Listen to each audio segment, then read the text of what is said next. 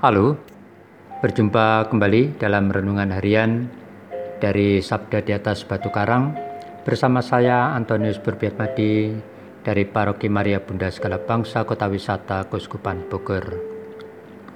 Saudara-saudari yang terkasih, hari ini Rabu tanggal 29 September adalah hari biasa pekan ke-26 dan hari ini gereja merayakan pesta Malaikat Agung Mikael, Gabriel dan Rafael, serta memperingati Santo Sirakus pengaku iman dan Santa Deodata dari Polis. Tema renungan kita hari ini dipanggil menjadi pelayan Tuhan yang terinspirasi dari bacaan-bacaan kitab suci hari ini. Bacaan pertama diambil dari kitab Daniel pasal 7 ayat 9 sampai 10, dilanjutkan ayat 13 sampai 14 dan bacaan Injil dari Injil Yohanes pasal 1 ayat 47 sampai 51 yang demikian bunyinya. Pada waktu itu Nathanael datang kepada Yesus atas ajakan Filipus. Tatkala melihat Nathanael datang, Yesus berkata kepada dia, "Lihat, Inilah seorang Israel sejati, tidak ada kepalsuan di dalamnya. Kata Nathanael kepada Yesus, "Bagaimana engkau mengenal aku?" Jawab Yesus kepadanya, "Sebelum Filipus memanggil engkau, aku telah melihat engkau di bawah pohon ara." Kata Nathanael kepadanya, "Rabi, engkau anak Allah, engkau raja orang Israel." Yesus menjawab katanya, Karena aku berkata kepadamu, aku melihat engkau di bawah pohon ara, maka engkau percaya? Hal-hal yang lebih besar daripada itu akan kau lihat. Lalu kata Yesus kepadanya, Aku berkata kepadamu, sesungguhnya engkau akan melihat langit terbuka dan malaikat-malaikat Allah turun naik kepada anak manusia. Demikianlah Injil Tuhan. Terpujilah Kristus.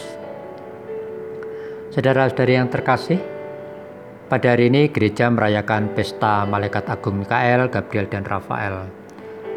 Pesta ini merupakan ungkapan kita, umat gereja Allah, untuk bersyukur atas karya keselamatan Allah yang dilaksanakan melalui dan bersama para malaikat agung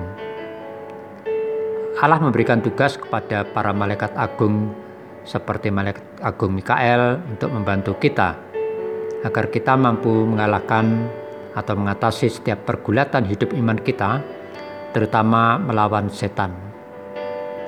Lalu malaikat agung Gabriel agar kita mampu menjalankan tugas perutusan pewartaan kasih Allah dan malaikat agung Rafael ditugasi oleh Allah untuk menjaga kesehatan jasmani dan rohani atau iman kita selama pesiaran hidup kita di dunia ini.